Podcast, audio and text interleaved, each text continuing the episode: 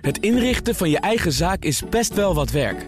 Daarom biedt IKEA voor Business Netwerk 50% korting op interieuradvies. Word gratis lid en laat je werkplek voor je werken. IKEA, een wereld aan ideeën. We kijken deze week naar het spook van de personeelstekorten dat door Nederland waart en naar de oplossingen die bedrijven daarvoor vinden of zoeken. Het uh, gebrek aan personeel raakte online supermarkt Picnic bijvoorbeeld vooral vlak na de coronacrisis, juist toen alles weer open ging. Inmiddels is het personeelsbestand met 15.000 werknemers in Nederland, Duitsland en Frankrijk weer op peil. Ja, hoe ze dat hebben gedaan, dat vraag ik aan CEO Michiel Muller van Picnic. Hij is bij ons, welkom. Goedemiddag. En ook uh, in de studio Daniel van Vuren, hoogleraar sociale zekerheid en economie aan de Tilburg University. En hij is ook hoofd sociale zekerheid bij CEO. SEO moet ik zeggen, economisch onderzoek. Welkom. Goedemiddag. Um, ik begin bij u, Daniel van Vuren. Ja, hoe staat het eigenlijk met dat personeelstekort in Nederland? In welke sectoren is dat nog het uh, urgentst? Nou, in uh, ICT, bouw, energie, ook in de horeca zien we uh, forse tekorten. Uh, het, het macro, de macrofacturengraad is al hoog, hè, historisch gezien. Maar mm -hmm. in deze sectoren zien we dat de facturengraad nog twee tot zelfs drie keer zo hoog is. In de horeca speelt daar ongetwijfeld ook een conjuncturele uh, factor een, een, belangrijke rol. In andere sectoren zien we meer structurele ontwikkelingen die, uh, die waarschijnlijk ja. een grote rol spelen. En, en zoeken bedrijven en organisaties meer uh, personeel dat is opgeleid aan een universiteit, HBO of juist MBO? Nou, dat is wel interessant uh, dat we met name ook op MBO-niveau in recente jaren tekorten zien. Dat is eigenlijk uh, redelijk nieuw. Hè. Voorheen uh, was dat misschien wat minder aan de hand. Maar uh, daar lijkt echt een behoorlijke mismatch te zijn op de arbeidsmarkt. Oké, okay, en dat zijn dus vakmensen? Ja. Vakmensen. En um, Michiel Muller, jullie hebben op dit moment, tenminste vanmiddag keken we, 179 vacatures openstaan. Stond ja. op de website. Nou ja, op een personeelsbestand van 15.000 werknemers valt dat misschien nog wel mee. Maar waar zijn de meeste gaten bij jullie op het moment? Nou, het verschilt nogal. Kijk, het uh, hangt erg van de regio af. Maar bijvoorbeeld als je kijkt naar Duitsland, waar we heel hard aan het groeien zijn. Hè, dan, dan open je een stad als Berlijn en Hamburg. Ja, daar heb je ontzettend veel mensen nodig. Zowel dus in de productie, maar ook natuurlijk leadership. Dus daar ben je heel hard aan het recruteren. Mm. Moet je eigenlijk helemaal opbouwen. Omdat mensen ook je bedrijf nog niet kennen. Dus dan moet je nog naam gaan maken. Moeten ze gaan begrijpen wat voor type banen we hebben. Dus het verschilt enorm per regio. Maar uh, na corona hadden we even wat stress. Omdat natuurlijk heel veel andere businesses open gingen. Wordt natuurlijk moeilijker. En sindsdien zijn we gewoon veel, veel, beter geworden in het uitleggen wat we doen. Ja. Uh, betere funnels, snellere processen. Dus dat zijn allemaal dingen die we verbeterd hebben. En, en zoeken jullie de, dezelfde mensen als bijvoorbeeld Gettier en Flink? Nee, we hebben echt wel een andere business. We hebben eigenlijk drie grote groepen. Die 15.000 mensen, zeg maar de helft daarvan is ongeveer uh, shoppers noemen wij dat. Dat zijn dus mensen die in de fulfillmentcentra de boodschappen inpakken. Ja. De andere helft is, zijn runners, dus de thuismensen die bezorgen. Die met die busjes voor Met de busjes voor komen ja. rijden. En dan heb je natuurlijk nog een, een, stuk centrale team van ongeveer duizend mensen. Dus dat zijn allemaal wel drie verschillende groepen. Die eerste shoppers zijn meer mbo'ers, mbo-opgeleiden. De runners zijn iets vaker hbo-achtige studenten. En uh, centrale teams zijn vaak wat ja, mensen die ja. analisten zijn of een technische opleiding hebben. Maar goed, bij Getier hebben ze ook studenten nodig. Bij Getier hebben ze ook studenten nodig. Maar ik denk dat wij iets meer in de in, vanuit van huis uit al meer een andere cultuur hebben in die hubs. Hè, dus waar die, waar die autootjes staan en waar die studenten ook werken. Die zoeken eigenlijk om zich heen vrienden van de voetbalclub of van de tennisclub. En zeggen, joh, kom bij ons werken. Dus het is iets meer een soort oh, sociale nou. cohesieclub. Maar je kan, ik kan me voorstellen, Gatier denkt erover na om zich terug te trekken uit Nederland. Dat dat toch wel flink wat personeel is wat jullie kunnen binnenhengelen om te bezorgen bijvoorbeeld. Nou, ik denk dat het iets anders is, omdat zij natuurlijk veel meer in grote steden zitten. Mm -hmm. En vaak wat internationalere uh, mensen hebben voor zich werken, vooral in de bezorging.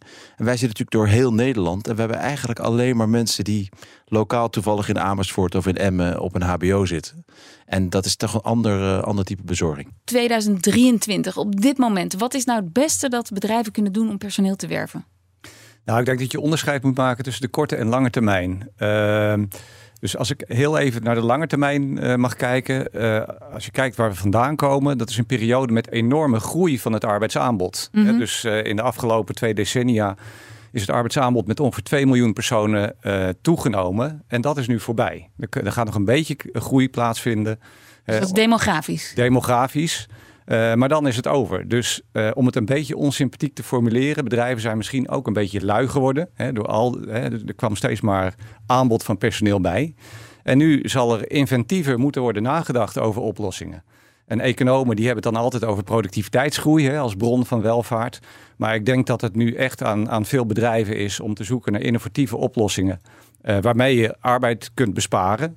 Uh, maar ja, ook, uh, ook nieuwe manieren. Hè. Dus het gaat niet alleen om, om robots, maar ook bijvoorbeeld procesinnovaties. Ja, en dat doen bedrijven te weinig, zegt u? Um, ik denk dat als je kijkt naar de komende decennia, dan ja. zal daar meer van moeten gaan gebeuren. Dus je moet eigenlijk je hele bedrijf onder de loep nemen, ja. elk proces opnieuw bekijken alsof het nieuw is en kijken hoe het efficiënter kan of met minder personeel.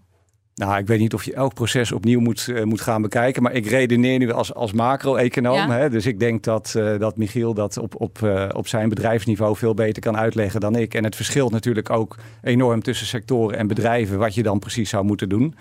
dus dat, ik denk dat ik me daar niet over moet uitlaten. Maar op macroniveau is het wel zeker dat er innovatie, meer innovatie zal moeten ja. gaan plaatsvinden. Ik moet nu denken aan de QR-code die ik altijd moet scannen als ik nu op een terras zit. Ja. Het scheelt weer één loopje van het personeel. Dan kan ik bestellen online en dan kan het nog wel brengen, gelukkig. Ja.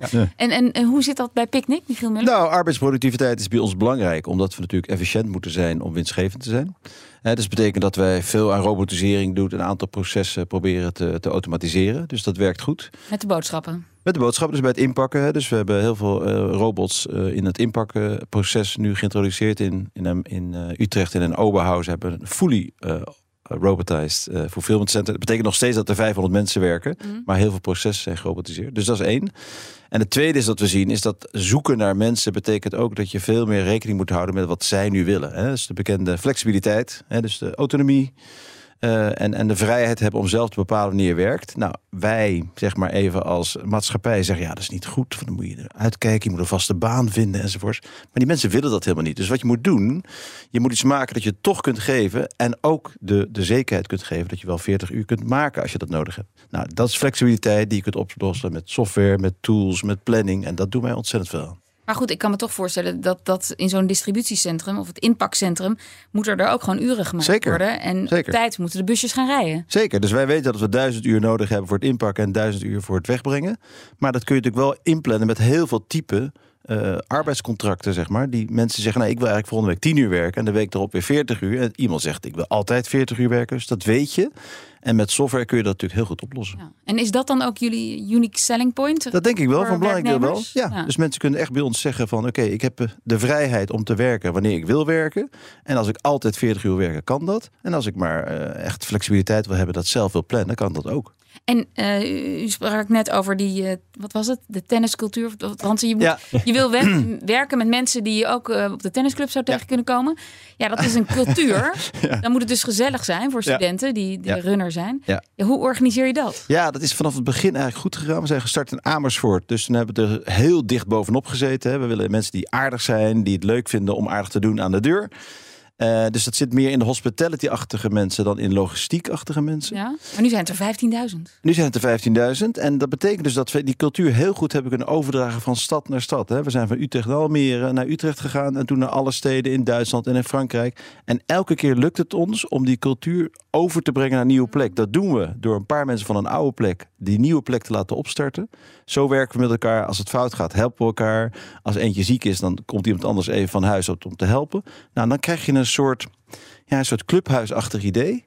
En dat is een hele goede basis om andere mensen erbij te halen die ook een beetje erin passen. En hebben jullie uh, dezelfde arbeidsvoorwaarden als een uh, reguliere supermarkt? Zeker. We hebben natuurlijk onze eigen e-commerce CEO. Die zijn we gestart. Onder andere ook met, uh, met Getier. Dus dat betekent dat wij als arbeidsvoorwaarden zijn minstens zo goed als in de supermarkt. Ja, kijk even naar de hoogleraar, want daar was nog een gedoetje over. Ja, ik ben geen jurist, hè, dus, uh, maar uh, om even het bruggetje te maken naar de korte termijn. Hè, dus we hadden het net vooral over de lange termijn oplossingen uh, opzoeken, of, of, oplossingen zoeken in technologie. Op de korte termijn zou je natuurlijk in de beloningsverschillen een belangrijke oplossing kunnen zien. Hè, waar de grootste tekorten zijn. Gewoon meer betalen. ja, zo simpel ja. is het ook. Ja, toch, uh, die, die, die supermarkt-CEO, er was nog een gesteggel over. Want uh, een deel van de FNV-leden, die zijn er nog steeds niet mee akkoord. Nee. Hoe, hoe, hoe, hebben jullie dat opgelost nou, dan? Er is al een paar jaar gesteggel over de supermarkt-CEO. Dat zit er vooral in het feit dat zij vinden dat e-commerce bij de supermarkten horen. En wij zeggen supermarkt is echt een ander, ander proces. Op het begin hebben zij winkels, die hebben wij niet. Ze hebben voor 80% zijn het uh, kinderen die daar werken. We hebben geen kinderen die werken. Dus een hele andere processen, andere mensen. Maar betalen jullie wel beter dan? Of niet? We betalen voor de volwassenen net zo goed in de supermarkten. Maar Alleen, op jullie website staat wij zijn picknick, supermarkt op wielen. Zo is dat. Ja, maar dan ben je wel een supermarkt. Ja, nou dan ben je een supermarkt voor de, voor de marketing natuurlijk. Dat je moet uitleggen dat je ook bananen en shampoo enzovoorts verkoopt. Mhm. Maar alle processen zijn anders. Dus het is echt een andere wereld toch, uh, jullie, dat, weet ik als picknick, jullie proberen toch echt op die lage prijzen te zitten. Maar dan blijft er toch niet zo heel veel marge over om uiteindelijk meer mensen, te mensen meer te betalen, zodat je ze binnenhaalt. Ja, maar dan we vergeten denk ik dat de, hè, wij hebben natuurlijk geen supermarkt. Dus dat is ook een hele kostbare onderdeel in de logistiek. Hè? Maar die, die, die busjes zijn ook duur, denk ik. En, ja, busjes zijn ook duur. Maar je moet niet vergeten dat zeg maar supermarkten met de mensen die er werken, met de uh, mensen die achter de kassa zitten, met hoge huren, met alle energiekosten, open koelers enzovoort. Dat kost ook heel veel geld. Dat hebben wij niet. En dat geven wij terug aan de consument in de vorm van lage prijs en gratis bezorging. Nog even terug naar het personeelstekort. Daniel van Vuren, volgens UWV, zij laten, eh, bedrijven moeten ook vooral in het buitenland op zoek naar personeel. Er moet gewoon meer arbeidsmigratie plaatsvinden als we onze lokale Nederlandse personeelstekorten willen opvoeren, uh, oplossen. Um, is dat ook een oplossing voor, voor de, de sectoren die u aan het begin uh, opnoemde? Ik denk dat het deels uh, in beperkte mate een oplossing kan zijn. Dus uh, heel specifieke arbeidskrachten die in Nederland moeilijk te vinden zijn. dan zeg ik ja, oké, dan zou je een, een, een deeloplossing in het buitenland kunnen zoeken. Structureel geloof ik er niet in dus als je kijkt naar de grote trends die op ons afkomen, de vergrijzing, uh, nou, de grote veranderingen, dat mm. ga je met migratie niet oplossen. Want migranten die hebben de neiging om zelf ook oud te worden. Die gaan ook op een gegeven moment pensioen krijgen, et cetera. dus het is eigenlijk uitstel van executie. Het biedt geen structurele oplossingen. Ik zie eigenlijk veel meer in het beter scholen van onze eigen uh, beroepsbevolking. Uh, zoeken naar betere matches op de arbeidsmarkt. Dus niet alleen kijken naar opleiding, ook aandacht voor skills matching. Ja. Uh, dus dat je probeert, dat kan AI trouwens ook een uh, rol in spelen. En dat je probeert op die manier e-, tot efficiëntere oplossingen in de arbeidsmarkt te komen. En heeft Picnic ook last van de vergrijzing? Nee, we hebben geen last van de vergrijzing, want we zijn gemiddeld geloof ik 28 jaar of zo. Onze populatie is heel jong. Dus dat duurt nog wel even. Wordt natuurlijk wel elk jaar gemiddeld één jaar ouder. Dat gaat heel vanzelf. En jullie klanten wel, denk ik. Onze, kla onze klanten wel. Nee, nee, daar hebben jullie voordeel bij, ja. Nee, nou ja, kijk, het is zo dat wij natuurlijk vooral voor gezinnen ontzettend fijn zijn. Als je natuurlijk een gezin hebt met een paar kinderen, heb je het best wel druk.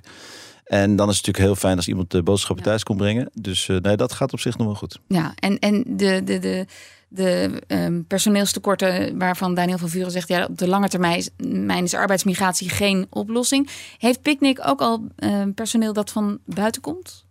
Nee, wij werken niet met grote groepen arbeidsmigranten. We hebben natuurlijk wel heel veel mensen die niet al vijf generaties in Alkmaar wonen. Dat is natuurlijk logisch. Maar het zijn allemaal mensen die in de buurt wonen. En zo zorg je ook voor een beetje sociale cohesie. Dat mensen ook elkaar leren kennen, toevallig bij elkaar in de buurt werken en wonen. En uiteindelijk gaat het erom dat je mensen vindt, en daar ben ik helemaal eens uh, met het feit dat we moeten zorgen dat uh, MBO-opgeleiden gewoon de skills leren met data omgaan, met software omgaan. Dat ze ook heel veel bijleren voor de ja. banen weer van de toekomst. Dus het accent ligt op opleiding en scholing. Ja, zeker. Dank voor nu.